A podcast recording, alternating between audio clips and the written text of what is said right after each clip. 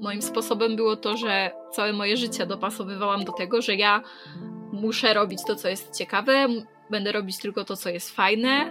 Dużo energii wkładałam w to, żeby robić w życiu po prostu tylko te rzeczy, które nie są takie mega trudne. Cześć, nazywam się Ola. Mam 36 lat, normalną pracę, męża i ADHD. I jeśli to, co przed chwilą powiedziałam, wzbudziło Twoją ciekawość, to mam nadzieję, że zostaniesz tu ze mną na chwilę, bo właśnie do takich osób jak Ty chciałabym dotrzeć. Szacuje się, że jakieś 15-20% ludzi na świecie to osoby nieneurotypowe. Tylko, że nie każdy o swojej neuroróżnorodności wie. Jest cała masa kobiet, które od zawsze odczuwają pewien dyskomfort, tylko nie do końca wiedzą, jak go nazwać. I bez świadomości tego, co może być jego źródłem, szarpią się ze sobą i cierpią w milczeniu. Bo o ADHD czy szeroko pojętej neuroróżnorodności u kobiet mówi się zdecydowanie za mało. I bardzo chciałabym, żeby ten stan rzeczy zaczął się powoli zmieniać. No i właśnie dlatego tu jestem. Żeby podzielić się z Tobą moją historią i żeby dopuścić do głosu inne kobiety atypowe, z którymi będę tu rozmawiać. Dzisiaj więc historia mojej kolejnej gościni.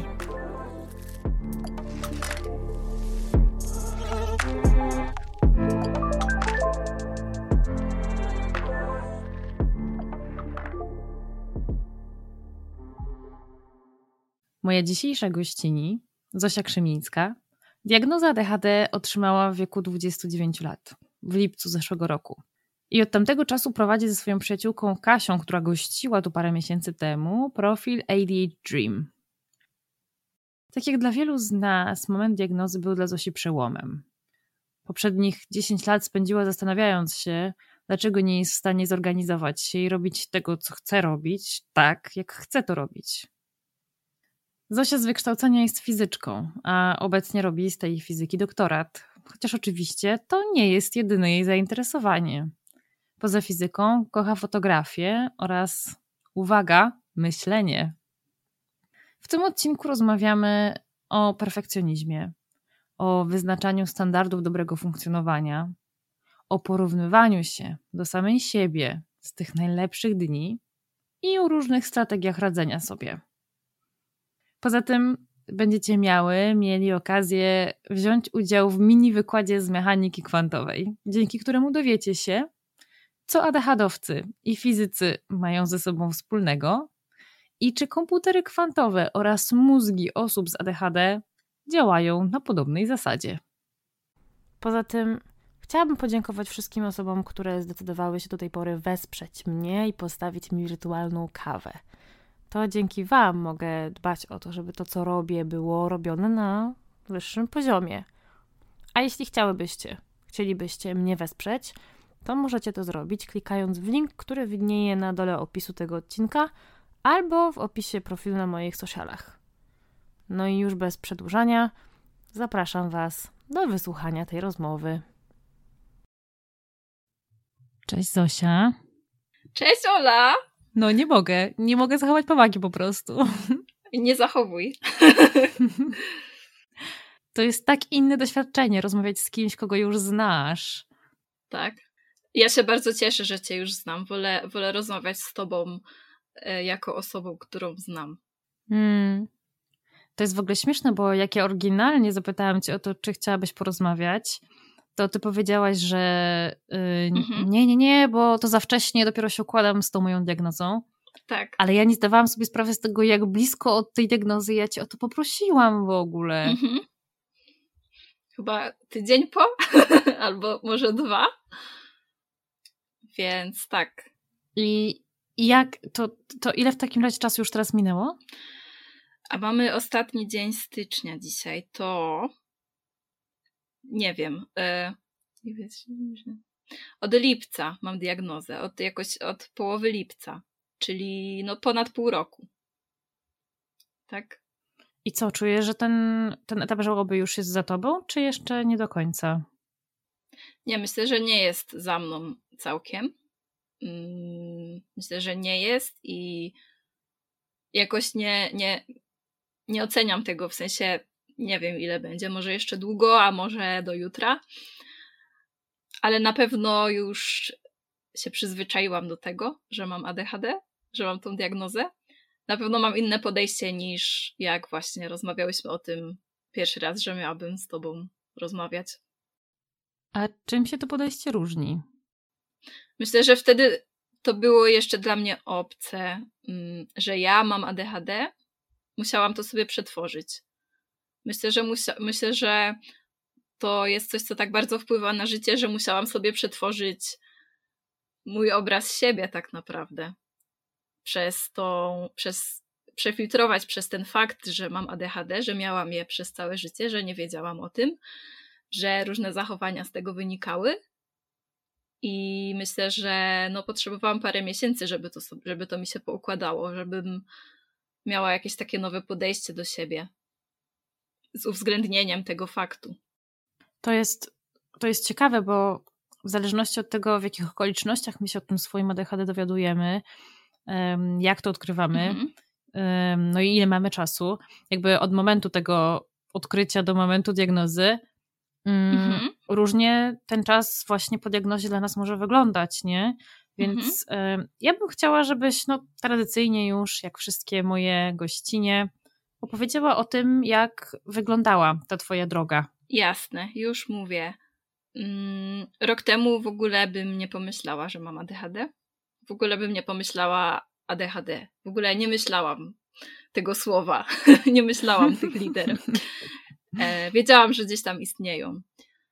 E, no i potem mm, pierwszy raz pomyślałam o tym, że mogę mieć ADHD pod koniec kwietnia. Diagnozę dostałam w lipcu, więc wydaje mi się, że dosyć szybko, że dosyć późno, bo w wieku 29 lat, ale dosyć szybko od tego podejrzenia do tej diagnozy. Mm, a to głównie za sprawą mojej psychoterapeutki, która właśnie to zasugerowała, i no ja też początkowo nie byłam jakaś do tego chętna, ale ona właśnie e, kilka razy rozmawiałyśmy na ten temat, czy nie chciałabym faktycznie skonsultować się z psychiatrą w tej sprawie i po prostu otrzymać diagnozę taką oficjalną. Mhm. E, no i myślę, że to mi dało jakby do myślenia, trochę zachęciło mnie. Mm, myślę, że gdyby nie to, to, to nie wiem, czy bym zaczęła to rozważać faktycznie. Mm. I jeszcze oprócz, oprócz tego, że to wynikło jakoś w mojej psychoterapii, e, właśnie pod koniec kwietnia czy na początku maja, e, no to też równolegle usłyszałam o ADHD od Kasi, mojej przyjaciółki, która też tutaj u Ciebie była w podcaście. I to było właśnie jakoś tak y, też w podobnym czasie. No i ona zaczęła mi opowiadać o tym, że, że właśnie się dowiedziała o tym, na czym polega ADHD, że ona uważa, że ona może mieć ADHD.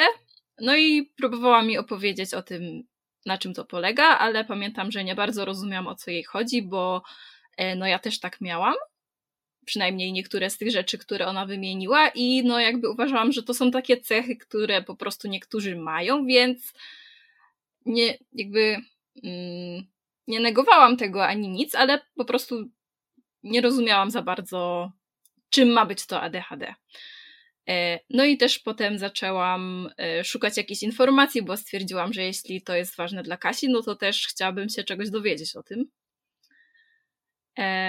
I pamiętam, że trafiłam na YouTubie na jakieś takie filmiki typowy dzień z ADHD, osoby z ADHD. E, pamiętam, że to oglądałam i się zastanawiałam, o co chodzi, gdzie tu jest ADHD. No to jest po prostu jakiś tam typowy dzień. I jakby. No i po prostu y, jakby kilka tygodni mi zajęło przetworzenie tego, że to nie wszyscy tak mają jak ja, w sensie, że to naprawdę e, jest duża różnica w funkcjonowaniu moim, a osoby, która nie ma ADHD. Na przykład wtedy z moją ówczesną współlokatorką e, o tym trochę gadałam, z którą też się przyjaźnię. E, no i, no i właśnie pamiętam, że jakby pierwszy raz, nie wiem, jakoś tak bardziej szczegółowo zaczęłyśmy rozmawiać o tym, jak to u nas jest z koncentracją na przykład i byłam zdziwiona, że, że u niej to w ogóle wygląda inaczej. Hmm. To, to jest ciekawe, bo ja mm, ta, ta twoja reakcja jest trochę podobna do reakcji mojej mamy po tym, jak ja jej powiedziałam, że podejrzewam u siebie ADHD i sobie wypełniałam diwę, przygotowując się do mojej wizyty u psychiatry mhm. I trochę się nią posiłkowałam w tej sekcji dzieciństwa. I moja mama y, często mówiła, no tak, ale przecież to jest normalne, przecież każdy tak ma. Mhm. I trudno mi było jej wytłumaczyć, że to nie jest normalne. To znaczy, że każdy tak ma, owszem, czasem, w pewnym stopniu, ale to nasilenie tych objawów świadczy o tym, że my tak mamy, dlatego że mamy ADHD, mhm. a cała reszta świata ma trochę inaczej. Tak. To chyba e, podobnie, podobne, podobną definicję przytaczał chyba Gabor Mate. E, albo ktoś inny, nie wiem, bo czytałam już tyle tych tekstów o ADHD i właśnie też mi to utkwiło, że jest to zbiór takich cech, które nie są jakimiś niesamowitymi cechami. Każdy może mieć taką cechę, ale właśnie ilość tych wszystkich różnych cech, że one wszystkie występują naraz u jednej osoby, jeszcze w dużym nasileniu, dużo z nich w dużym nasileniu, y, no to właśnie się składa na, na te objawy ADHD. A co cię w takim razie skłoniło do tego, żeby po tę diagnozę jednak pójść? Um, albo inaczej. Mhm. Czy to było w ogóle takie pytanie, które zadawałaś sobie w, w momencie, kiedy zaczęłaś słyszeć te sugestie? Że może warto? Zastanawiałaś się, czy to było takie oczywiste, że pójdziesz i sprawdzisz? Mhm. Mm, nie, nie, w ogóle.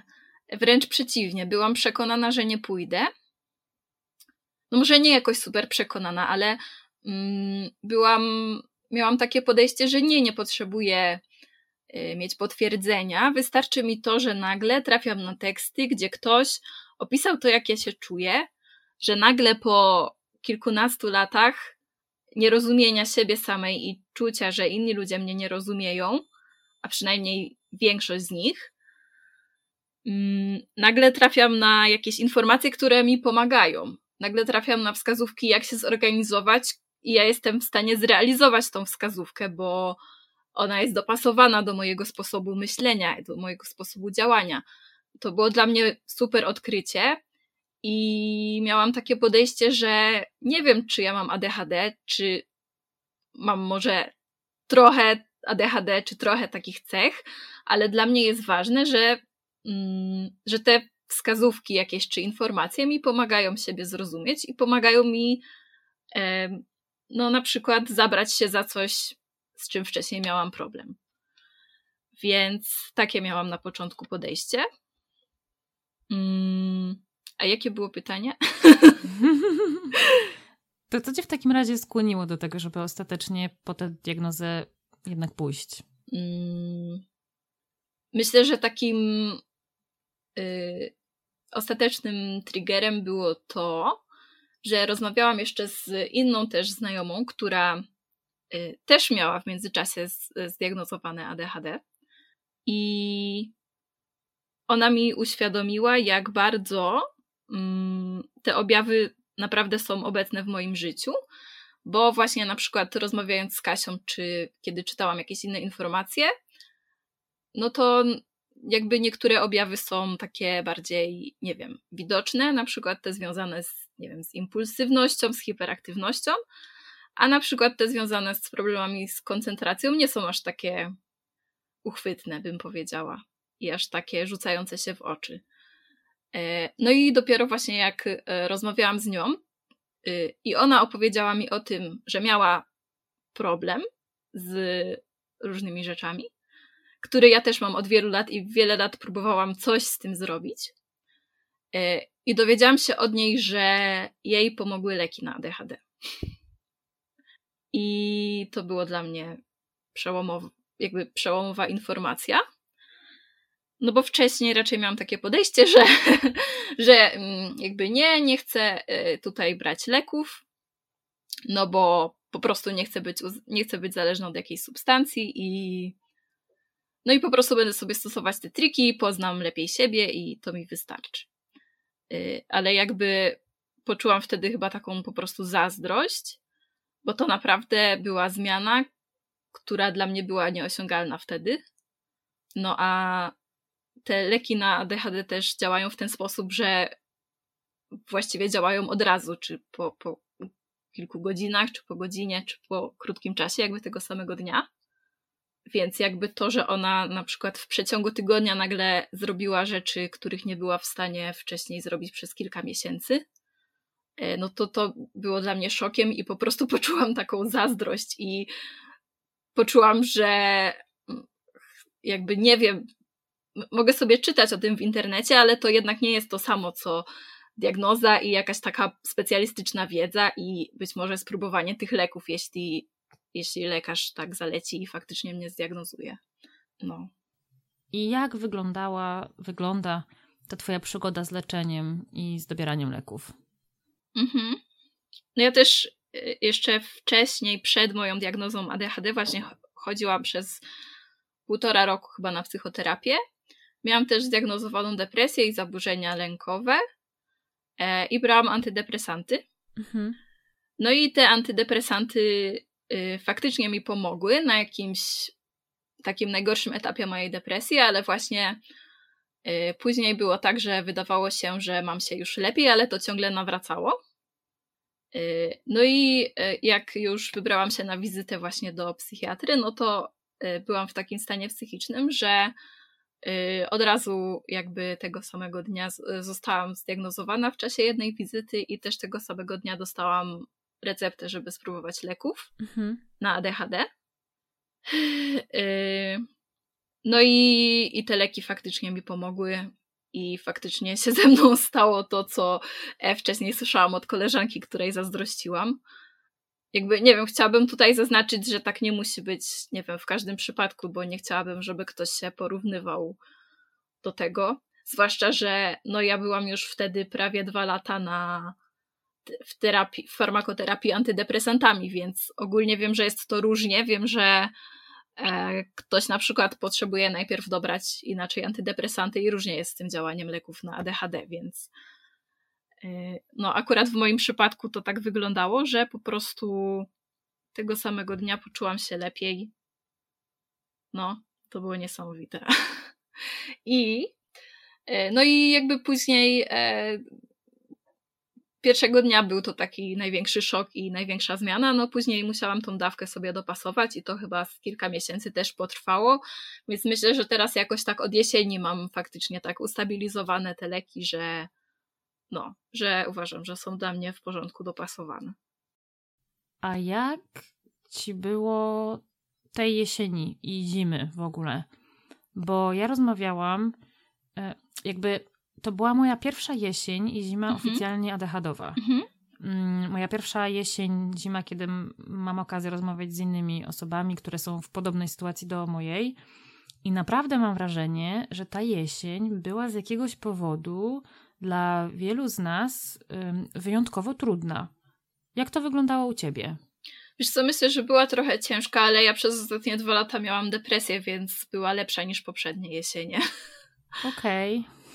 Mm, mm, ale no myślę, że w, tak w skali, nie wiem, jakiejś większej skali mojego życia czy coś, e, no to, no to była trudna, ale ciężko mi powiedzieć, czy to dlatego, że wychodziłam jeszcze z tej depresji, czy też, no właśnie, tak jak mówiłam, miałam dopasowywane te dawki leków. No nie wiem, cieszę się, że już już cieszę się, że już się dni robią coraz dłuższe. Mm-hmm. Mm. No właśnie o to trochę chciałam cię zapytać.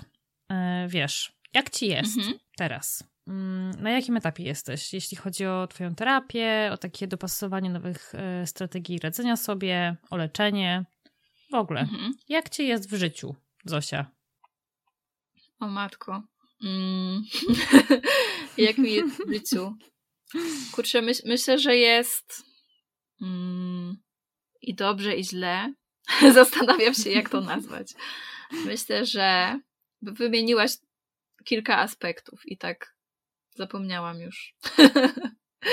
Je, bo spytałaś się, jak to jest, jeśli chodzi o terapię, leczenie, o być, bycie z tym ADHD. Mhm, tak. Biorąc pod uwagę, mm. tak. No, coraz, nie wiem czy coraz częściej, ale no, mam nieraz takie dni, że myślę sobie, ależ ja jestem po prostu, jestem mistrzem ADHD, e, że po prostu e, rano się czułam tak źle i wydawało się, że na niczym się nie mogę skoncentrować, ale po prostu zastosowałam takie techniki, tu zrobiłam sobie plan, tu zaczęłam coś robić 5 minut i potem zaskoczyło i potem mogłam się już skoncentrować. Tutaj, nie wiem, zrobiłam sobie dżemkę i to zadziałało. I jakby wiesz, czuję, że już stosuję te wszystkie jakieś wspierające techniki, które się nauczyłam przez ostatnie pół roku i jest po prostu super. I no a czasem po prostu jest gorzej. I czasem, no mimo, że wiem dużo lepiej, jak do siebie podchodzić, to i tak mi jest trudno się zająć sobą i tym ADHD. Ale no ogólnie od czasu tej właśnie diagnozy coraz bardziej jest, jest coraz lepsze to, że rozumiem już, co się ze mną dzieje, nie mam takiego poczucia, że mam jakiś problem i nie wiem, co to jest. Mhm. Tylko mam takie, no, ADHD. no. W sensie też nie. Dobra, nie chcę z drugiej strony zwalać, że po prostu wszystkie moje problemy na świecie to jest ADHD, ale no jakby ono się przejawia we wszelkich dziedzinach życia, więc po prostu je tam wyłapuję i, i staram się y, naprawić tak jak umiem, to co wynika z ADHD. I to dużo zmienia. To już jest jakby duża część. Mm, duża, duża pomoc, jakby. Dużo łatwiej jest z tą wiedzą sobie poradzić po prostu czymś, co jest dla mnie problematyczne. Mm. Ja, ja bardzo lubię to takie podejście, że wiesz, ta wiedza i to takie mówienie sobie, dobra, mam ADHD, nic nie usprawiedliwia, ale bardzo wiele wyjaśnia. Mhm. I to jest mega pomocne. Mm, ale zastanawia mnie jedna rzecz, mhm. bo wspomniałaś o tym, że są takie momenty, że czujesz, że, że czujesz się takim mistrzem ADHD, tak. że znasz te wszystkie techniki. To powiedz mi, bo to jest zawsze mega ciekawe. Jakie z takich stałych rzeczy, które rzeczywiście powtarzasz i działają, mhm stosujesz od momentu, kiedy już wiesz, co z czym się je. Okej, okay. już ci mówię. to znaczy, e, kocham w ogóle o tym mówić, to chyba mój hiperfokus też, ale też, mm, bo jakby ogólnie ja od wielu lat miałam takie też pragnienie i potrzeby, żeby być jakąś bardziej zorganizowaną. E, kiedy to było zbyt zorganizowane, to za chwilę to się stawało dla mnie za trudne, zbyt nudne i wszystko to mi się zaczynało nie udawać i to porzucałam i był to taki cykl, w którym byłam przez lata, ale jakby mm, zawsze starałam się szukać jakichś sposobów, żeby sobie radzić z tym, co było objawami ADHD, jak się okazało, czyli na przykład z problemami z koncentracją, które miałam przez wiele lat. I więc y, y, część rzeczy już sobie odkryłam nawet, że dla mnie działają, zanim jeszcze miałam diagnozę. Mhm. E, no ale od kiedy się dowiedziałam, że to są objawy ADHD i zaczęłam jeszcze więcej o tym czytać, no to znalazłam sobie jeszcze więcej takich rzeczy. E, no i e, co to, co to są za triki? No to um, u mnie na przykład bardzo działa to, że mam taką poranną rutynę, ale to tak brzmi poranna rutyna. Znaczy, to właśnie w ogóle nie jest prawie nic, ale polega to na tym, że rano wiem, że e, biorę leki, wiem, że piję kawę e, i wiem, że jak poczuję już, że te leki zaczynają działać, e, no to biorę sobie notes i robię sobie tam plan dnia w postaci, mm, po pierwsze, piszę sobie na ile się czuję od 0 do 10. Mhm. I po drugie, piszę sobie, co bym chciała zrobić z tego dnia, ale właśnie uwzględniając to, czy się czuję na 8, czy się czuję na 2 dzisiaj. E, no. Y, I właśnie jeśli chodzi o to ocenianie dnia, to jest też trik od Kasi, która prowadzi profil nasze ADHD, więc tutaj e, muszę jej oddać prawa autorskie. I przeczytałam o tym chyba jakoś w listopadzie u niej i od tego czasu zaczęłam to robić, więc to mi bardzo pomaga to robię to po prostu dlatego, żeby, no jeżeli uczciwie sobie napiszę, że się czuję 3 na 10, no to żeby nie wyobrażać sobie, że zrobię to samo, co jak się czułam 8 na 10 albo więcej. No i to po prostu sprawia, że mam bardziej realistyczne oczekiwania, co dzisiaj zrobię. To jest super technika, ja to kocham. Ale powiedz mi taką rzecz. No. Jak łatwo szło ci, zwłaszcza na początku, to takie wyczucie tego, takie wycenianie tego, na ile się czujesz. Mhm. Bo ja muszę przyznać, że wcale nie przychodziło mi to z łatwością. Mhm. E, no ja myślę, że miałam w życiu taki czas, kiedy mogłam powiedzieć, że czuję się 10 na 10. To jeszcze było przed moją depresją i przed jeszcze pandemią. Yy, ponieważ no, miałam taki etap w życiu, że mogłam naprawdę wiele rzeczy do siebie dostosować do swojego funkcjonowania i to super u mnie działało. E, no i po prostu czułam się dobrze i jakby myślę, że to jest moim punktem odniesienia. Okej. Okay. Teraz sobie myślę, że może trochę wygórowanym, bo e, może powinnam trochę zaniżyć skalę, może to było takie 11 na 10. Nie wiem. Mm, no ale tak, e, jakby w skali e, takiego czasu, kiedy pamiętam, że najbardziej spoko się czułam, to sobie oceniam. Okej, okay. to jest dobra, dobry tip. Ale jedziemy dalej. No. Lista lifehacków. Tak. E, no i druga rzecz tutaj od razu to jest e, to, że mam jeden zeszyt do wszystkiego. To z kolei e, zaczęłam jakoś zaraz po mojej diagnozie, przeglądałam taką książkę na temat ADHD, taką bardziej chyba dla psychologów. Możliwe, że. Nie, nie wiem jaki miała tytuł, nie pamiętam. W każdym razie to była jedna z głównych wskazówek tam, żeby mieć jeden kalendarz i żeby, jakby, żeby mieć jeden zeszyt, w którym prowadzi się kalendarz i listy zadań do zrobienia. Mhm. Y, no i ja zaczęłam to faktycznie wtedy robić. To było o tyle prostsze, że gdzieś tam zawsze próbowałam prowadzić jakiś kalendarz, y, no ale tak naprawdę dopiero od kiedy zaczęłam brać leki na ADHD, to faktycznie nie zapomniałam o tym kalendarzu i faktycznie dalej mam ten sam zeszyt.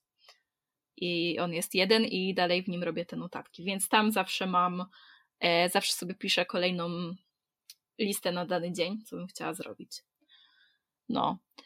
E, no i potem właśnie e, ta lista też jest o tyle pomocna, że i to nie wpisuję tam jakichś super rzeczy, nie? Czasem wpisuję tam zjeść obiad, czasem wpisuję tam odpisać na maila, jakby no różnie też zależy na ile się czuję.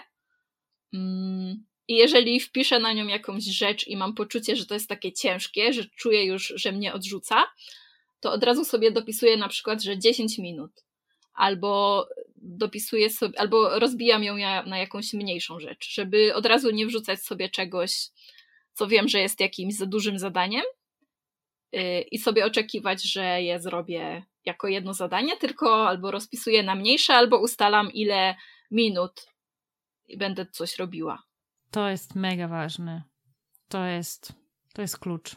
Y, no i to też działa w ten sposób, że y, mam załóżmy, nie wiem, mam przeczytać książkę powiedzmy, no i fajnie by było przeczytać, nie wiem, 50 stron tej książki na przykład, y, no ale nie wpiszę sobie iluś tam, nie wiem, minut czy stron, tylko na przykład wpiszę sobie 5 minut, żeby, bo czuję, że to jest dla mnie za dużo te 50. No i jak zacznę czytać i się rozpędzę, bo to jest też problem w ADHD właśnie z przełączaniem się między czynnościami i rozpoczynaniem albo kończeniem zadań. Więc jak już przezwyciężę problem z rozpoczęciem zadania, e, to może się okazać, że będę miała problem ze skończeniem zadania, ale akurat to jest to, co miałam robić, więc najwyżej przeczytam tą książkę. No. Mm. no, ale jakby jest różnie. Czasem faktycznie to pomaga i zaczynam mam coś robić niby na mojej liście 5 minut albo 10, a, a zrobię faktycznie, nie wiem, godzinę czy więcej jakiejś pracy. No a czasem, mm, a czasem z, będę coś czytać na przykład 5 minut i stwierdzenie, no dobra, to nie ma sensu. Jeśli tylko mogę tego teraz nie robić, no to nie robię, bo po prostu nie, nie mam dobrej teraz koncentracji i mm, no jeżeli mogę zmienić na jakieś inne zadanie, które mi jest teraz łatwiej wykonywać, no to to robię. Kurczę, to jest takie ważne, nie? Takie, yy, takie, ta, ta, możliwość bycia elastyczną. Mhm. Yy, nie trzymanie się tak sztywno tego, co sobie wyznaczyliśmy. Tak. Dlatego ta rada Kasi o tym zaglądaniu w siebie codziennie rano, no to jest po prostu złota rada. No. Ja bym moje życie bez niej by wyglądało zupełnie inaczej dzisiaj. A powiedz mi, mm, no. ile książek o ADHD zdążyłaś przeczytać? O matko, nie, ani jednej, pół. ile zdążyłam zacząć, możesz się spytać. Nie no. Mm, zaczęłam dwie, nie skończyłam żadnej, tak myślę. Okej. Okay. Czyli nie skończyłaś Gabora Matę? Nie, nie skończyłam. Jestem gdzieś w połowie. A? Okej. Okay. E, ja to, jak zaczęłam, to tak utknęłam w tamtym, w tamtym Aha, momencie. No. Ona się pojawiła niestety w takim momencie mojego życia, mhm. że no, bardzo mało mam teraz czasu na czytanie takich rzeczy. Mhm. E, trochę to smutne, ale ja na pewno, na pewno do niej wrócę. Mhm. Na pewno do niej wrócę, ale na razie no na razie leży. No to jest też, w tej książce jest tak dużo treści, że ja i tak dalej przetwarzam to, co do tej pory przeczytałam i mi to pomaga i dużo mi to dało. No i zamierzam skończyć tą książkę, ale też na razie się tak składa, że nie zmuszam się do tego. Mm. I nie mam jeszcze planu, kiedy ją skończę. Myślę o niej czasem.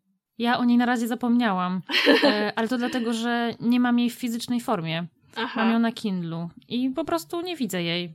No ja mam, ją, ja mam ją fizycznie, codziennie ją widzę, przekładam ją z biurka na stolik nocny i z powrotem.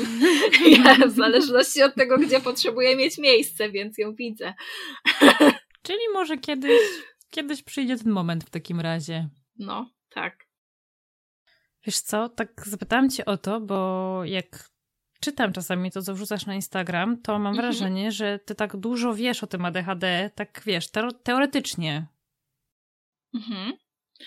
Mm, słuchałam też wykładów na YouTubie profesora bodajże Russella Barclaya, Berkeleya, o którym też nie wiem, czy z tobą rozmawiałam, ale z kimś mm, kimś rozmawiałam, kto też miał zdiagnozowane ADHD, więc wiem, że jak mm. ludzie wpisują ADHD w YouTube'a, to on gdzieś tam wysoko wyskakuje. Więc ja też na niego trafiłam, już słuchałam jakichś jego wykładów. Nawet robiłam notatki chyba. I nie wiem, może, może ja po prostu tak brzmię, może to takie zboczenie zawodowe, że po prostu jak o czymś mówię, to tak jakbym, nie wiem, jakąś tu wiedzę posiadała czy coś. Chciałam powiedzieć, że po prostu wtedy twoja natura naukowczyni wychodzi. mm, może. Co w sumie nie wiem na ile jest dobre, bo tak naprawdę nie mam żadnych kompetencji jakby w tym kierunku, w sensie no staram się zawsze podkreślać, jak się z kimś dzielę czymś na przykład, że to jest moja wiedza, moje przemyślenia i to, co ja wywnioskowałam właśnie z konkretnych książek, ale no ja sama ani żadnych badań nie przeprowadziłam, ani nie wiem nic więcej ponad to, co mi powiedzieli jacyś psychiatrzy, psychologowie y, czy inni y, ludzie, którzy się znają na tym. A z drugiej strony właśnie mm, wiele takich informacji, na które trafiłam, bardzo jakoś pasuje do mojego życia, więc też łatwo mi je zapamiętać, bo od razu mm. kojarzę przykłady z życia, więc jakby od razu do czegoś je zastosowuję na przykład, więc łatwiej mi jakoś zapamiętać. A jesteś w stanie teraz tak powiedzieć, jak patrzysz na to, jak wyglądało Twoje życie przed diagnozą i przed rozpoczęciem leczenia i wdrożeniem nowych strategii radzenia sobie? Mhm. Jesteś w stanie określić, z jaką sferą życia albo z jakimi elementami było ci najtrudniej? Mhm. Organizacja, planowanie, e, wytrwałość, w sensie jest to drugie takie słowo, E, rutyna, regularność. O, regularność bardzo nie lubię słowa tego, bardzo, bardzo nieprzyjemne słowo, regularność. w sensie, nie no, może nie samo w sobie, ale jakby bardzo ciężkie miałam przeżycia, jeśli chodzi o regularność i próby bycia regularną w czymś. Myślę, że z tym najbardziej. I po prostu z tym, że mm, no jak nie wiem, jak to powiedzieć. Jeżeli, jeżeli coś mnie nie obchodziło, nie interesowało, nie było ciekawe, fascynujące, nowe, nie dawało mi dopaminy, to po prostu mega ciężko mi było się tym zająć i zrobić coś porządnie. I, i też nie miałam wpływu na to, czy coś mnie interesuje, czy nie. W sensie potrafiłam być na przykład świetna w jakimś przedmiocie czy w temacie, po czym stracić nim zainteresowanie i już nie mogłam się zmusić, żeby dalej być w czymś dobra. A jak bardzo ci to utrudniało życie? To właśnie. Mm, czułam, że mi to utrudnia studia. I oprócz tego myślę, że czułam się taka niezrealizowana, że po prostu nie wiem, czy jakoś moje życie tak na zewnątrz było tym utrudnione, ale moje, moja opinia o sobie na pewno była bardzo, na pewno bardzo ucierpiała przez to. Brak, taki brak zaufania do siebie, że ja potrafię się na przykład do czegoś zobowiązać i to wykonać. Że nieraz zawiodłam się na sobie, bo coś mi wychodziło, a potem nagle nie albo wydawało mi się, że coś się uda, albo że nie wiem, zdążę coś zrobić, a jednak okazywało się, że nie. No i też to, że mm, raczej moim sposobem było to, że całe moje życie dopasowywałam do tego, że ja muszę robić to, co jest ciekawe, będę robić tylko to, co jest fajne. Jakby dużo energii wkładałam w to, żeby żeby ty- robić w życiu po prostu tylko te rzeczy, które nie są takie mega trudne. No i generalnie mi się to udawało, ale jednak czasem w dorosłym życiu jest ciężko tak wszystko sobie ustawić, więc czasem było trudno przez to. To jest też ciekawe, bo ja mam wrażenie, że my często mamy wobec siebie jakieś takie nie, nierealne wymagania. Mhm. Nawet, nawet już odkładając na bok to, że wymagałyśmy od siebie dużo, nie wiedząc o tym, że mamy ADHD i że nasze możliwości są w jakiś sposób ograniczone. Mhm. Ale kurczę, nawet ludzie neurotypowi nie funkcjonują zawsze na najwyższych obrotach, nie? Mhm. To jest też coś, o czym my czasami zapominamy chyba.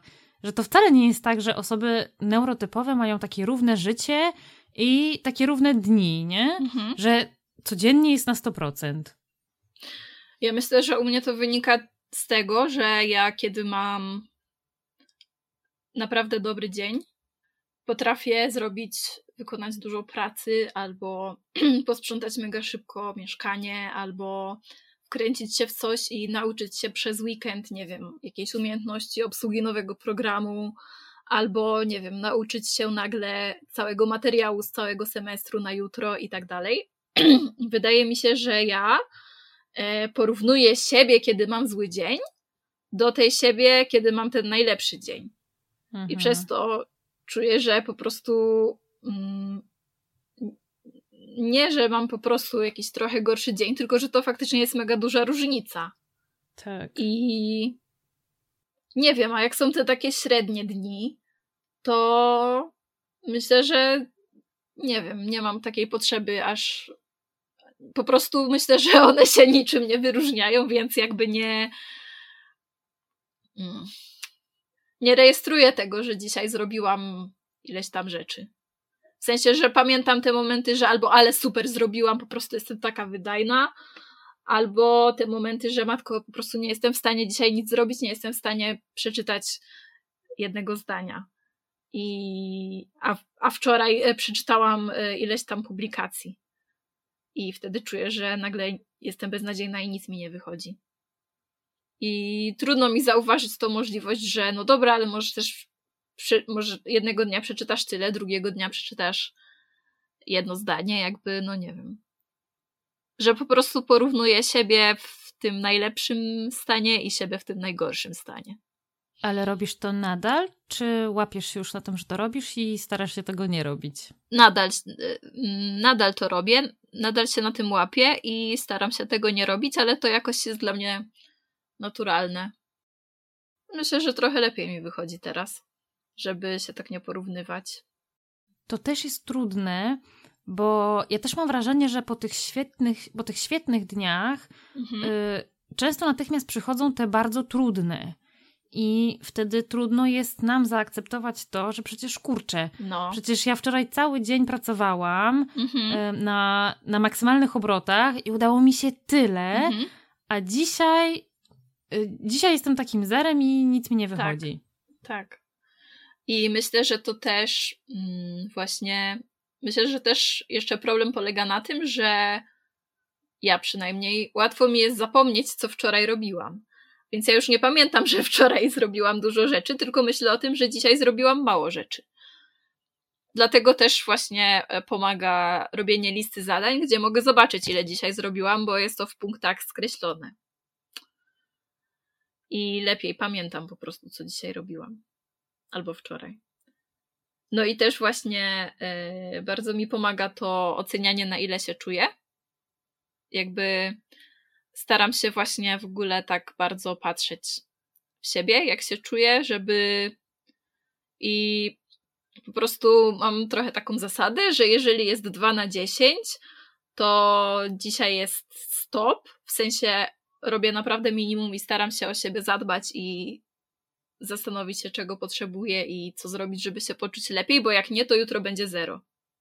Tak u mnie jest najczęściej. Hmm. To jest fajne.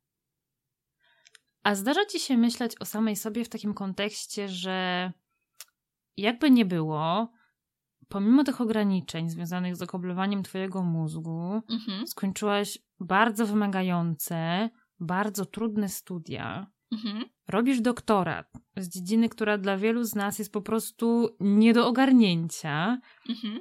Czy raczej tak, raczej tak patrzysz na to, eh, nic wielkiego, no tak po prostu mam. Mm, no, jakby nie było to dla mnie aż takie trudne, jakby się mogło wydawać, bo po prostu mnie to interesowało. Hmm. E, no i wychodziłam z takiego założenia, że wydaje mi się to, fizyka wydaje mi się mega ciekawa, więc no jeżeli ludzie studiują tą fizykę i kończą tą fizykę i mogą ją zrozumieć, no to ja też mogę zrozumieć ją, jeśli, jeśli poświęcę wystarczająco dużo czasu na różne zagadnienia.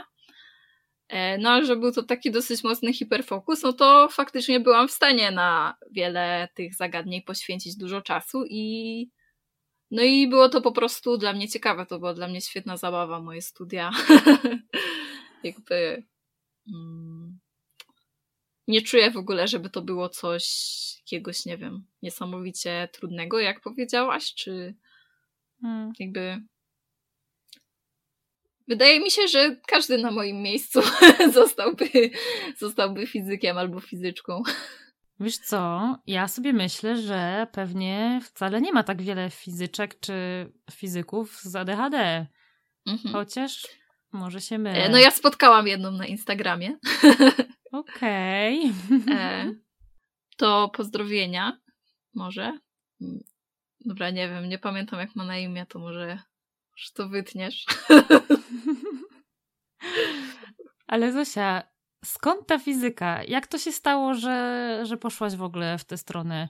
Czy, czy zawsze? Zawsze cię to kręciło? Nie, nie, tak wyszło.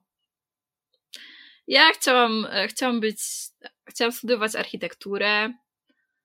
Potem chciałam studiować optykę i dziennikarstwo. To były kierunki studiów, na które poszłam, a w ogóle to chciałam zostać fotografką, którą w końcu i tak zostałam. I ta fizyka tak mnie kusiła, bo to było tak, że poszłam, mm, no byłam w klasie w matfizie. To, był, to było to, co mnie najbardziej interesowało w liceum chciałam pójść do matwizu, no i sobie poszłam do matwizu, ale bez jakiejś głębszej refleksji, że tam studia czy coś, no bo to dopiero za trzy kolejne lata, więc jak będzie tam poczucie czasu i w ogóle jakieś planowanie przyszłości. E, no i później już y, po maturach się zastanawiałam, co ja w ogóle chcę studiować, bo wcześniej gdzieś tam e, właśnie była ta architektura, ale no w pewnym momencie mnie to przestało interesować, po prostu chodziłam na jakieś kursy rysunku, potem przestałam, już nie pamiętam jak to się stało, po prostu gdzieś tam porzuciłam ten pomysł. Mm. No i żeby było ciekawie, no to wybrałam sobie dwa kierunki, poszłam na Politechnikę studiować optykę i poszłam na uniwersytet e, studiować dziennikarstwo. I studiowałam te dwa kierunki e, przez trzy lata równolegle. Hmm, wow. e, no ale właśnie w międzyczasie, jak studiowałam optykę, no to mieliśmy też zajęcia z wykładowcami z kierunku fizyka. E, no i to właśnie to były najciekawsze dla mnie wykłady, takie związane stricte z fizyką. No i też właśnie między innymi jeden, jeden z naszych wykładowców jakby gdzieś tam wspomniał, że jeżeli też kogoś tak interesują te wykłady, to jakby co, może jeszcze rozważyć, czy nie chciałby jednak e, zostać na kierunku fizyka, no bo tam jest jakaś możliwość, żeby się przenieść i tak dalej.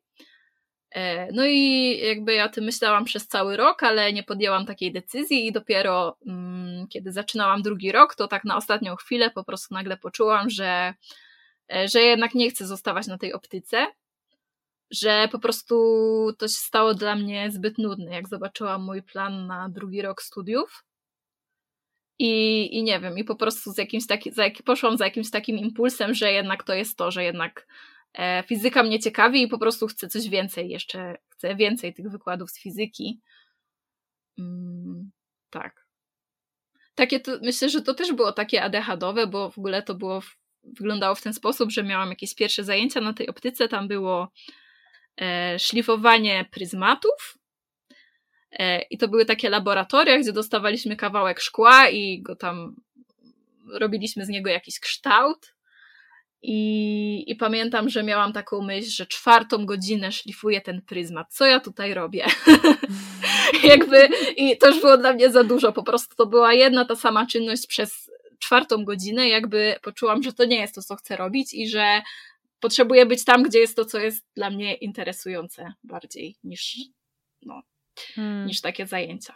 I, I wtedy stwierdziłam, że właśnie poszłam za tym, co mnie ciekawi, co mnie hmm. zaciekawiło. I na szczęście mnie to ciekawiło na tyle długo, że udało mi się skończyć studia. A powiedz mi, e, bo ja muszę o to zapytać, i jak zadam to pytanie, to będziesz wiedziała, dlaczego je zadaję. No, okej. Okay. Jak wygląda Twoja relacja z czasem?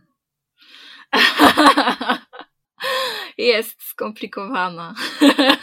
Dobra, to może od razu zróbmy to. Mhm. Powiedz mi, mhm. jak to jest, że ADHDowcy i fizycy mhm. mają z tym czasem skomplikowaną relację. Tak. E, to jest coś, co na pewno mają wspólnego ze sobą. e, kurczę, nie, nie, e, nie wiem, czy ja umiem to teraz tak dobrze wyjaśnić. Spróbujmy. Mm, Okej. Okay. ja już nie pamiętam, co ja wam tam mówiłam wtedy to ja może zrobić taki szybki wstęp dla osób, które tego słuchają, a, a nie były uczestnikami naszego, naszej rozmowy na WhatsAppie. Dobrze. Bo ty tam wtedy powiedziałaś mądre rzeczy. No. I jak ja to powiedziałam, że to, że, że to było takie przystępne. To zaraz, z, zaraz zobaczymy. Zaraz zobaczymy, czy ci się uda. Bo jakby skąd to się wzięło? Ja nawet nie pamiętam, dlaczego my zaczęłyśmy w ogóle o tym rozmawiać. Ja myślę, że Asia napisała coś w stylu, że z tym czasem to jest taka skomplikowana sprawa. I ty wtedy powiedziałaś, że to jest bardzo skomplikowane, bo tak naprawdę to wcale nie jest takie oczywiste, że ten czas w ogóle istnieje. I rozwaliłaś mi ten mózg. nie tyle, czy istnieje, ale czym on jest. To czym jest czas? Nie wiem. Nie wiem, właśnie problem polega na tym, że nie wiemy. e, muszę coś ogłosić w imieniu wszystkich fizyków. Oszukujemy was. nie wiemy, czym jest czas, nie wiemy tak naprawdę, czy istnieje i jak płynie. Po prostu chciałabym powiedzieć wszystkim osobom z ADHD, które czują, że mają problem z czasem, e, żeby się nie martwili, ponieważ, żeby się nie martwiły, ponieważ czas to naprawdę jest dziwne zjawisko. naprawdę e, fizycy w mechanice kwantowej mają równie wielkie problemy z czasem. E, a mówiąc krótko, żeby tutaj nie zmieniać naszej rozmowy w cały wykład z fizyki, no to właśnie e, mechanika kwantowa rozwinęła się na początku XX wieku, e, ponieważ powstawały różne problemy z interpretacją eksperymentów. Technologia zaczęła się rozwijać i przeprowadzono różne nowe eksperymenty, i okazało się, że one mm, są jakieś dziwne, że aktualna fizyka nie umie ich wyjaśnić. Dlatego stworzono mechanikę kwantową, taka jest jej historia. E, no jest to mm, teoria fizyczna, którą stosujemy do tej pory i generalnie ona działa i daje dobre wyniki i to, że korzystamy teraz z komputera czy z telefonu, czy że słuchacie tego podcastu, to jest e, przede wszystkim dzięki fizyce kwantowej technologia w ten sposób teraz wygląda. Hmm. E, no i mechanika kwantowa mm, pomaga mierzyć różne wielkości, jak energia, prędkość, jakaś moc, czy po prostu pomaga we wszelkich obliczeniach, które, e, które gdzieś tam fizycy wykonali, żeby rozwijać tą technologię. E, no ale właśnie jest taki jeden podstawowy problem, e, że tak jak wszystkie inne wielkości możemy jakoś uwzględnić w tej teorii, tak kiedy próbujemy uwzględnić jakoś czas, to nagle pojawiają się same problemy. Hmm. um, i po prostu okazuje się, że jest to taka wielkość, której mm, nie da się łatwo obliczyć. Więc mimo, że mechanika kwantowa e, pomogła w rozwinięciu wielu dziedzin nauki, no to z czasem ma problem. Ludzie, czy wy to słyszycie? E, czyli to nie jest tak, że tylko my mamy problem z ogarnięciem koncepcji czasu. To może być jakiś fundamentalny problem z prawami fizyki. To jest, to jest wspaniałe. Wiesz, jak mi to poprawiło takie. Oczywiście mówię, mówię to z jednej strony w ramach y, żartu, w sensie to jakby nie jest tak, że ktoś zbadał, że mechanika kwantowa się wiąże z ADHD czy coś. E, chociaż wiąże się z cząsteczkami, a my jesteśmy z nich stworzeni, więc gdzieś tam na jakimś poziomie może się wiąże, ale jakby nie chcę tutaj w to wchodzić. To zbyt skomplikowane, żeby ktoś to zbadał, ale na pocieszenie, jakby um, tak. Jest to pocieszające. Przerwałam ci, Ola. Nie, nie, nie, nie, nie, bo jakby super. Ja tylko mówiłam o tym, że tak, to jest, to jest właśnie bardzo pocieszające że nie tylko my mamy problem z czasem w ogóle. Możemy się czuć po prostu usprawiedliwieni. Tak jest. Że coś jest nie tak z tym konceptem. Coś jest na rzeczy. Wspaniała wiadomość. Dzięki Zosia. Tak, w ogóle tak y, myślałam sobie przed naszą rozmową o mechanice kwantowej, bo jako, że jestem e, fizyczką z wykształcenia i robię doktorat, no to mogłabym coś o niej tutaj wspomnieć na marginesie. Myślałam o, o tym, że Myślałam o tym, że chcę ci powiedzieć, Ola, że uważam, że osobom, które mają ADHD, mogę łatwiej wytłumaczyć mechanikę kwantową, a osobom, które umieją mechanikę kwantową, mogę łatwiej wytłumaczyć, na czym polega ADHD. To ciekawe, rozwiń to. Mega to jest ciekawe, a Chodzi o to, że podstawowa różnica między mechaniką kwantową a innymi teoriami, które tam były wcześniej stosowane, jest taka, że mechanika kwantowa, mm, jakby według tej teorii występuje takie zjawisko, w którym. Jak to najprościej powiedzieć? w którym mm, dana cząsteczka może być w wielu stanach naraz. Okej, okay. chyba już wiem, e... dokąd zmierzasz. A, no jest, jest taki znany przykład z kotem Schrödingera, to może komuś się obiło o uszy, który jest jednocześnie żywy i martwy, e, bądź e, obudzony i śpiący, jeżeli chcemy jakoś tutaj łagodniej to przedstawić. E, no i ten kod symbolizuje cząsteczki, które bada mechanika kwantowa. E, no i te cząsteczki, mm, kiedy na przykład w szkole, nie wiem, wykonywaliśmy jakieś obliczenia z fizyki, to dostawaliśmy jakiś konkretny numer, że nie wiem, coś tam wynosi 5. E, no to tutaj mamy tak, że kiedy wykonujemy jakiś eksperyment, na przykład z elektronami. Pomijmy już skąd wzięliśmy te elektrony, czemu robimy ten eksperyment, ale badamy sobie jakieś elektrony czy jakieś inne cząstki. I póki nie zakończymy tego eksperymentu, póki nie zmierzymy informacji o tym elektronie, to on, yy, to ta informacja nie jest żadną konkretną liczbą, tylko wszystkimi możliwymi liczbami naraz.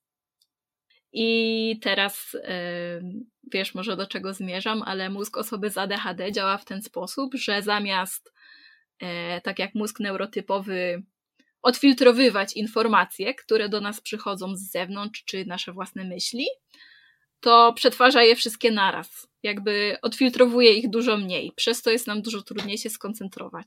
No tak. E, no i mniej, więc teraz, jeżeli ktoś e, z Was rozumie, na czym polega ADHD, no to możecie sobie wyobrazić, że mniej więcej to samo dzieje się z tym elektronem, który ma ileś różnych stanów naraz.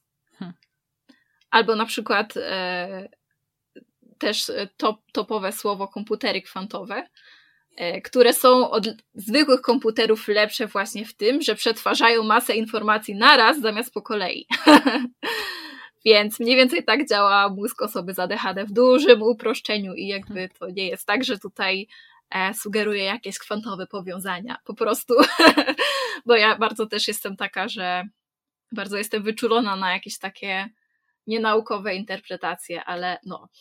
Więc mówię, że to tylko taka metafora, ale faktycznie e, nie wiem, Ola, co ty na to? Czy wytłumaczyłam ci coś, czy wytniesz to, Totalnie. bo jest... Zosia, to jest chyba w ogóle moja najulubieńsza metafora ADHD, jaką w ogóle kiedykolwiek słyszałam. No ja chyba też. No. Ja w ogóle powiem ci, ja ci to już chyba mówiłam, ale powtórzę to, że kiedyś byłam na imprezie u kolegi, który zaprosił no. kumpla, który pracuje właśnie, który zajmuje się komputerami kwantowymi. I on w takim stanie już no. dość mocnego upojenia alkoholowego próbował mi i mojemu mężowi wytłumaczyć, czym te komputery kwantowe w ogóle są. Mhm. Mm, I on to robił przez dobre pół godziny.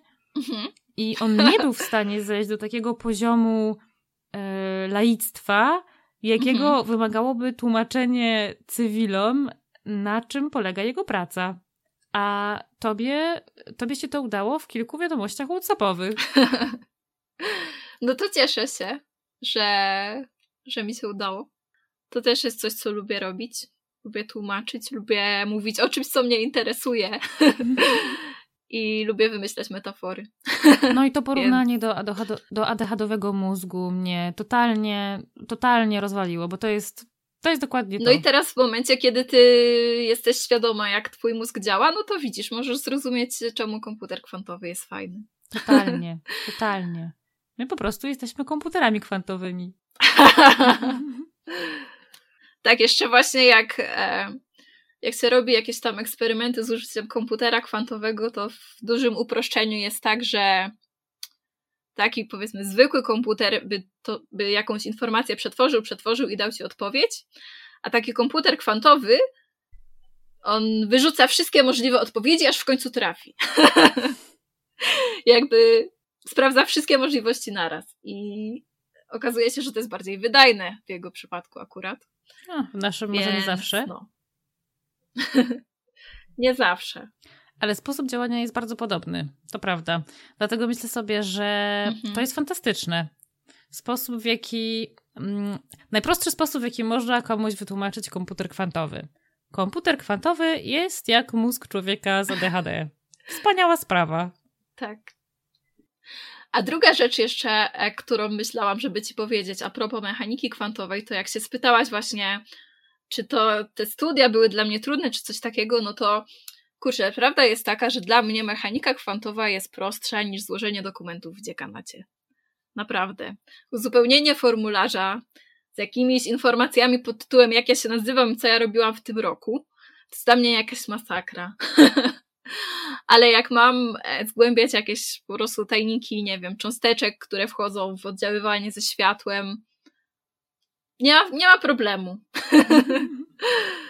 Mm. I to jest jedna z tych rzeczy, o które chciałam Cię zapytać. Po prostu różnica jest taka, że jedno mnie interesuje, a drugie mnie nie interesuje. Hmm. Ale powiedz mi, tak ogólnie rzecz biorąc, czy środowisko akademickie jest miejscem przyjaznym ADHD-owym mózgom? Mhm. Tak Twoim zdaniem? E, wiesz co, ja nie zauważyłam. Dla mnie się okazało akurat bardzo nieprzyjazne. Mm, to znaczy, czy ja wiem, czy samo środowisko akademickie bardziej po prostu wszelkie sprawy związane czy to z administracją, e, czy to z właśnie mm, ubieganiem się o wszelkie stypendia, granty. Jakby to też nie do końca jest coś, za co samo środowisko jest odpowiedzialne, w sensie ludzie, nie wiem, inni fizycy, inni naukowcy, tylko po prostu jak to jest zorganizowane w Polsce i, i nie tylko pewnie. Jakby, no to, to to jest coś, co dla mnie było i jest dalej mega trudne. Hmm. Na przykład to, że y, żeby zdobyć dofinansowanie na jakieś moje badania, które sobie zaplanowałam, żeby dostać na przykład grant, który te, te badania będzie finansował, muszę zaplanować to ponad rok wcześniej hmm. i jeszcze przedstawić plan, co będę robić przez kolejne na przykład trzy lata e, i z perspektywą, że będzie to jakby dużo czasu poświęcę na składanie samego wniosku, a o wyniku dowiem się na przykład pół roku później, jakby to jest coś, co jest dla mnie mega niekomfortowe, że ja muszę, muszę przebrnąć przez jakieś informacje, jakby wszystko, co nie ma w ogóle natychmiastowego skutku, efektu, co jest jakimś długofalowym planowaniem, E, no mi przychodzi z mega dużą trudnością. Jakby dla mnie to w ogóle jest niewyobrażalne, jakby co ja będę robić za dwa lata. No tak. I jeszcze, nie wiem, przedstawić to i nawet nie wiedząc, czy i kiedy dostanę, nie wiem, zostanie to rozpatrzone. E, no, czy właśnie składanie jakichś wszelkich podań, formularzy, które niby, nie wiem, co, co pół roku wyglądają tak samo, no albo jakby no po prostu zawierają jakieś okienka, które trzeba uzupełnić, znaleźć informacje, przeczytać instrukcje, no ale nie wiem, no dla mnie jest to mega, mega, mega przytłaczające. Hmm. Znalazłaś hmm. jakieś sposoby na to, żeby to jakoś obchodzić, żeby jakoś sobie radzić? Coś ci pomaga? Um, leki i to chyba tyle. Mm, no i wszystkie standardowe metody typu właśnie będę coś robić przez 10 minut na przykład i zobaczymy jak mi pójdzie dalej. Ale no to są rzeczy, które i tak są dla mnie mega ciężkie, nawet mimo wiedzy o ADHD. Mm, no po prostu to też jest taka rzecz, której nie mogę przystosować do siebie, bo to po prostu wygląda w ten sposób. Więc. Mm, no więc muszę ja się dopasować do tego, nie? To jest zawsze trudniejsze. Wszystkie rzeczy, które ja mogę dopasować pod siebie, to staram się jak najbardziej dopasować, no ale to jest akurat system, którego ja sama teraz nie zmienię pod siebie. Ale czujesz, że jest jakakolwiek wiedza na temat neuroróżnorodności w świecie akademii, czy jesteśmy jednak jeszcze daleko w lesie? Mm. Wiesz co? No, w środowisku akademickim, myślę, że może w moim pokoleniu, w sensie, czy ja wiem, moi znajomi wiedzą ode mnie na przykład o neuroróżnorodności czy o ADHD, więc nie wiem jak w innych dziedzinach, no bo ja jednak jestem w zupełnie ścisłej dziedzinie i podejrzewam, że na przykład na jakichś kierunkach humanistycznych może być ta wiedza bardziej rozwinięta, bo ktoś się tam zajmuje na przykład takimi badaniami. Um, no ale nie wiem, no ja na przykład nie wiem, czy istnieje powiedzmy w moim idealnym świecie istniałaby na przykład osoba, która jest doradcą dla osób z ADHD albo dla osób neurotypowych, e, gdzie ja mogę na przykład pójść, powiedzieć: Dzień dobry, mam ADHD, e, ja nie mam pojęcia, co ja mam tutaj znowu wypełnić. I, czy, I czy może mi pani przedstawić jakiś, nie wiem, jakąś bardziej szczegółową instrukcję? No. Hmm. I jakby, no jasne, ja nie wiem, dopytuję się innych osób, tak można zadzwonić, gdzieś się zapytać, można pójść, nie wiem, do dziekanatu czy w jakieś inne miejsce i można się dowiadywać, ale no u mnie to wygląda tak, że ja co chwilę się dowiaduję od nowa, bo co chwilę nie pamiętam, jak co się robi. No i... No, powiem ci, że ja mm. pamiętam studiowanie no. właśnie, właśnie chyba najbardziej z tego. Mhm. To taką całą biurokrację, jeszcze do tego wiesz, godziny działania dziekanatu, nie? Między 12 a 14. A mhm. całą resztę dnia możesz iść i pocałować się w dupę. Tak, ja jeszcze na studiach jeszcze to nie sprawiało mi aż takiego problemu. Na studiach doktoranckich już tak. Nie wiem dlaczego, chyba po prostu jest tego jeszcze więcej. mm, nie wiem, nie mam, nie mam na to jakiejś tutaj super odpowiedzi. Trochę, trochę chyba właśnie odpowiedziałaś mi na pytanie, które chciałam ci zadać bo chciałam Cię zapytać o to, co chciałabyś, żeby się zmieniło, żeby mhm. takim osobom jak Ty było po prostu łatwiej. Mhm.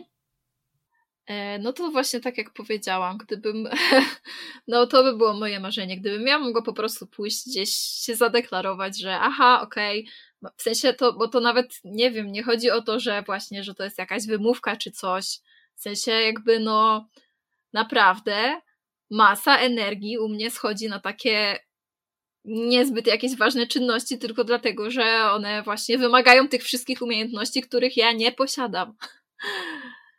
A przynajmniej nie posiadam ich, kiedy to nie jest coś super pasjonującego, bo jeżeli to jest y, coś, co ja chcę w tym momencie zgłębić, albo coś, co mnie zainteresuje, albo coś nowego, albo coś, nie wiem, co mnie jakoś mega strasznie bardzo stresuje, albo po prostu jest jakieś super decydujące, no to wtedy nagle pojawia się ta koncentracja, no ale właśnie o to chodzi, że nie jestem w stanie jej tak regulować, żeby, e, żeby się teraz skupić na tym, co jest potrzebne. No tak. Mm, no, także na przykład e, moja obrona pracy licencjackiej i magisterskiej, e, no to była obrona w ostatnim możliwym terminie. W sensie, nie hmm. wiem w sumie jak licencjackiej, ale też jakoś ten termin przesuwałam i na pracy magisterskiej tak samo i naprawdę e, gdybym nie dowiedziała się, że jeśli nie złożę do jutra pracy, to będę musiała powtarzać semestr, to bym jej nie złożyła. Nagle się okazało, że mogłam ją dokończyć. w sensie, bo musiałam i po prostu pisałam ją cały dzień. W sensie, no już jakby miałam większość zrobioną, ale po prostu trzeba to było złożyć w całość coś tam dokończyć, zaedytować. No i jak się pojawił wielki stres, no to nagle się pojawiła koncentracja. Surprise, surprise. No. Ale czy odkąd bierzesz leki, to jest ci z tym doktoratem trochę łatwiej? Jest łatwiej trochę z tą administracją. Pamiętam, jak poszłam pierwszy raz na uczelnię, kiedy zaczęłam brać leki i miałam wypełniać jakieś sprawozdania, to chyba Mm, aż na, na Instagrama wrzuciłam relację o tym, że pierwszy raz wypełniłam jakieś tam podanie i na lekach z ADHD i nagle się okazało, że rozumiem, o co się mnie pytają w podpunktach. w sensie, no naprawdę była duża różnica, wtedy to pamiętam. No, ale myślę, że też e, przez te kilka lat, kiedy robiłam doktorat, jakby nazbierało się takiego mega ciężaru emocjonalnego, że po prostu to jest dla mnie okropne wspomnienie, że muszę coś załatwiać. I nawet jeżeli teraz jest mi łatwiej, to i tak jest to stresujące, bo po prostu, bo, mm, bo mam te skojarzenia bardziej niż bardziej niż, że nie jestem w stanie aż tak tego robić. Tak, to jest mega ważne. No. Fajnie, że o tym wspominasz, bo, bo to tak trochę jest ze wszystkim, mam wrażenie, że nam się mm, przez tyle lat było nam ciężko z takimi drobnymi rzeczami, to już w kontekście, wiesz, życia w ogóle, nie? Mhm. Że często jest tak, że nam się wydaje, że coś będzie trudniejsze niż to jest w rzeczywistości. Dlatego Mhm. fajnie, że powiedziałaś o tej takiej technice tego, że żeby porzucić to takie oczekiwanie sukcesu. Mhm. Że sukcesem dzisiaj jest to, żeby coś zacząć i robić to przez 5 minut. Mhm. I jeżeli będę to robić dalej po tych 5 minutach, to super. Mhm. A jeżeli nie, to przynajmniej mam takie poczucie, że zaczęłam. Nie? Tak. Bo Mhm. to jest to takie przebicie tej bariery tego, że właśnie nam się wydaje, że coś jest dużo trudniejsze niż jest w rzeczywistości. Tak. I to też jest, y, to też działa tak, że mogę sprawdzić, czyli czuję, że nie dam rady tego dzisiaj robić, będę robić 5 minut. I czy to chodzi o to, że ja nie mogłam po prostu zacząć, ale jednak umiem? I na przykład kiedyś to było mega trudne, a teraz jakoś wychodzi i sobie dam radę? Czy faktycznie mam taki zły dzień, że no po prostu się na tym nie skoncentruję, po prostu to nie jest zadanie na dzisiaj i no i spróbowałam, ale faktycznie okazało się, że nie, że dobrze czułam, że to jest trudne zadanie. Muszę do tego podejść jakoś inaczej. Tak, tak. A powiedz mi, bo jestem świadoma tego, ile już rozmawiamy i tego, ile założyłyśmy, że będziemy rozmawiać, Mhm. więc chciałabym przejść trochę w stronę podsumowania. Okej. Mm, Bo ja zawsze pytam o to, wiesz na pewno, Mhm. co moje gościnie chciałyby przekazać świa- światu na temat neuroróżnorodności. Mhm. A gdybyś ty mogła coś przekazać światu akademickiemu na temat tego, z czym, nam, z czym nas się je? Mm. Kurczę, bo zapytałaś mnie wcześniej o to środowisko akademickie. E, I w sumie to też jest tak, że w samym środowisku to ja nigdy nie czułam się źle. W sensie myślę, że jest to też e, mm, grupa jakichś tam specyficznych osób. W sensie mają jakieś podobne cechy charakteru. Na przykład dużo z tych osób faktycznie wybrało tą pracę, bo to jest coś, co ich interesuje i chcieliby to zgłębiać czy kontynuować. I jakby myślę, że w samym środowisku nie czułam się jakoś nierozumiana, czy że tam w jakiś sposób nie pasuje. Choć faktycznie czułam jakby taki żal, że gdybym była bardziej zorganizowana, to byłabym w stanie mm, no, lepiej na przykład coś zrozumieć, bo po prostu regularnie bym się do czegoś przygotowywała. Więc, yy, więc właśnie chciałam tylko wspomnieć, że to mm, samo środowisko, jakby ja ogólnie dobrze wspominam i, i dobrze się z nim mam, jeśli chodzi o konkretne osoby, które się zajmują pracą naukową. Raczej w ogóle jest to super, że często są to osoby, które są tą pracą zajarane i super się z nimi rozmawia na ten temat, czy współpracuje. Mm. Bardziej myślałam, wiesz, jak zadałam to pytanie, bardziej Mhm. myślałam o em, Akademii jako instytucji właśnie. Mhm. To jest trudne pytanie, bo nie wiem, na ile powinnam to powiedzieć instytucji, a na ile powinnam to powiedzieć państwu polskiemu. Ale, ale naprawdę poziom biurokracji, poziom a, to, jak wyglądają struktury, przynajmniej z którymi ja się spotkałam na uczelniach, to jest mega niefajne. No to trzeba coś z tym zrobić, ale tak, żeby to działało lepiej, a nie jeszcze gorzej. Nie wiem, nie wiem. nie wiem, jak to zrobić, ale naprawdę. Mm, kurczę, co bym chciała powiedzieć? Zastanawiam się tak, żeby odpowiedzieć faktycznie na to Twoje pytanie.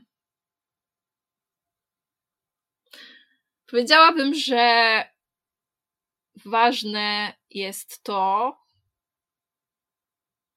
jaką ktoś ma wiedzę i umiejętności w swojej dziedzinie, a nie to, mm, w jaki sposób funkcjonuje na co dzień w ramach instytucji.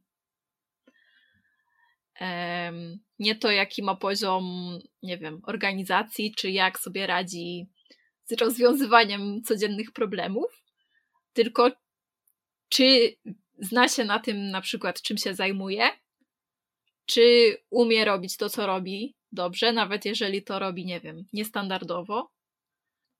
I no myślę, że to jest łatwo zgubić, kiedy wszyscy w tym akademickim środowisku no, potrzebujemy jakiegoś finansowania, składamy granty, mamy jakieś wymagania co do ilości publikacji i tak dalej.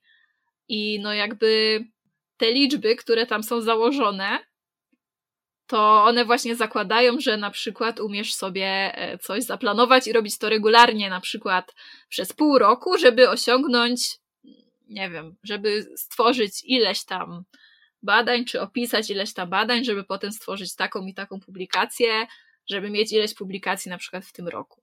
To jest wszystko oparte na takim dalekosiężnym planowaniu.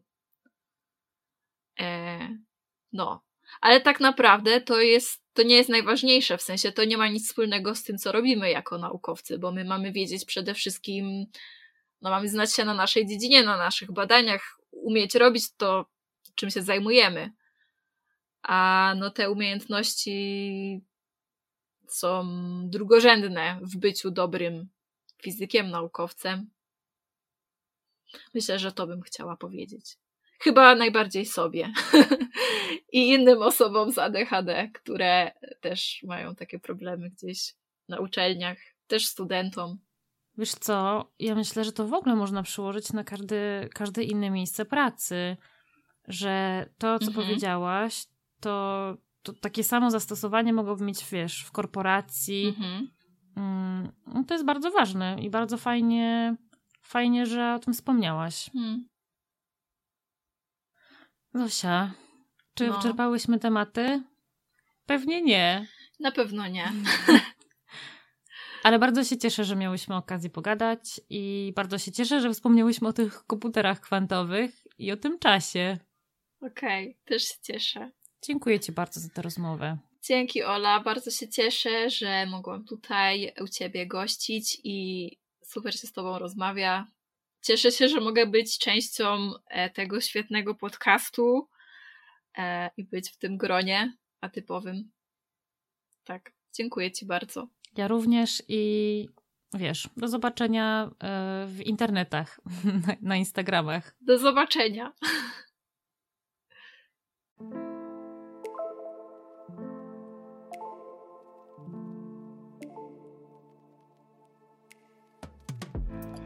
Wielkie dzięki za wysłuchanie tego odcinka.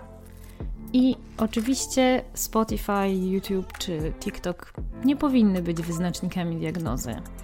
Ale jeśli to, o czym tutaj rozmawiałyśmy, brzmi dla ciebie podejrzanie znajomo, to mam nadzieję, że zaopiekujesz się sobą i wykonasz pierwszy krok w kierunku pójścia po pomoc, bo każda z nas na to zasługuje. Do usłyszenia w kolejnym odcinku.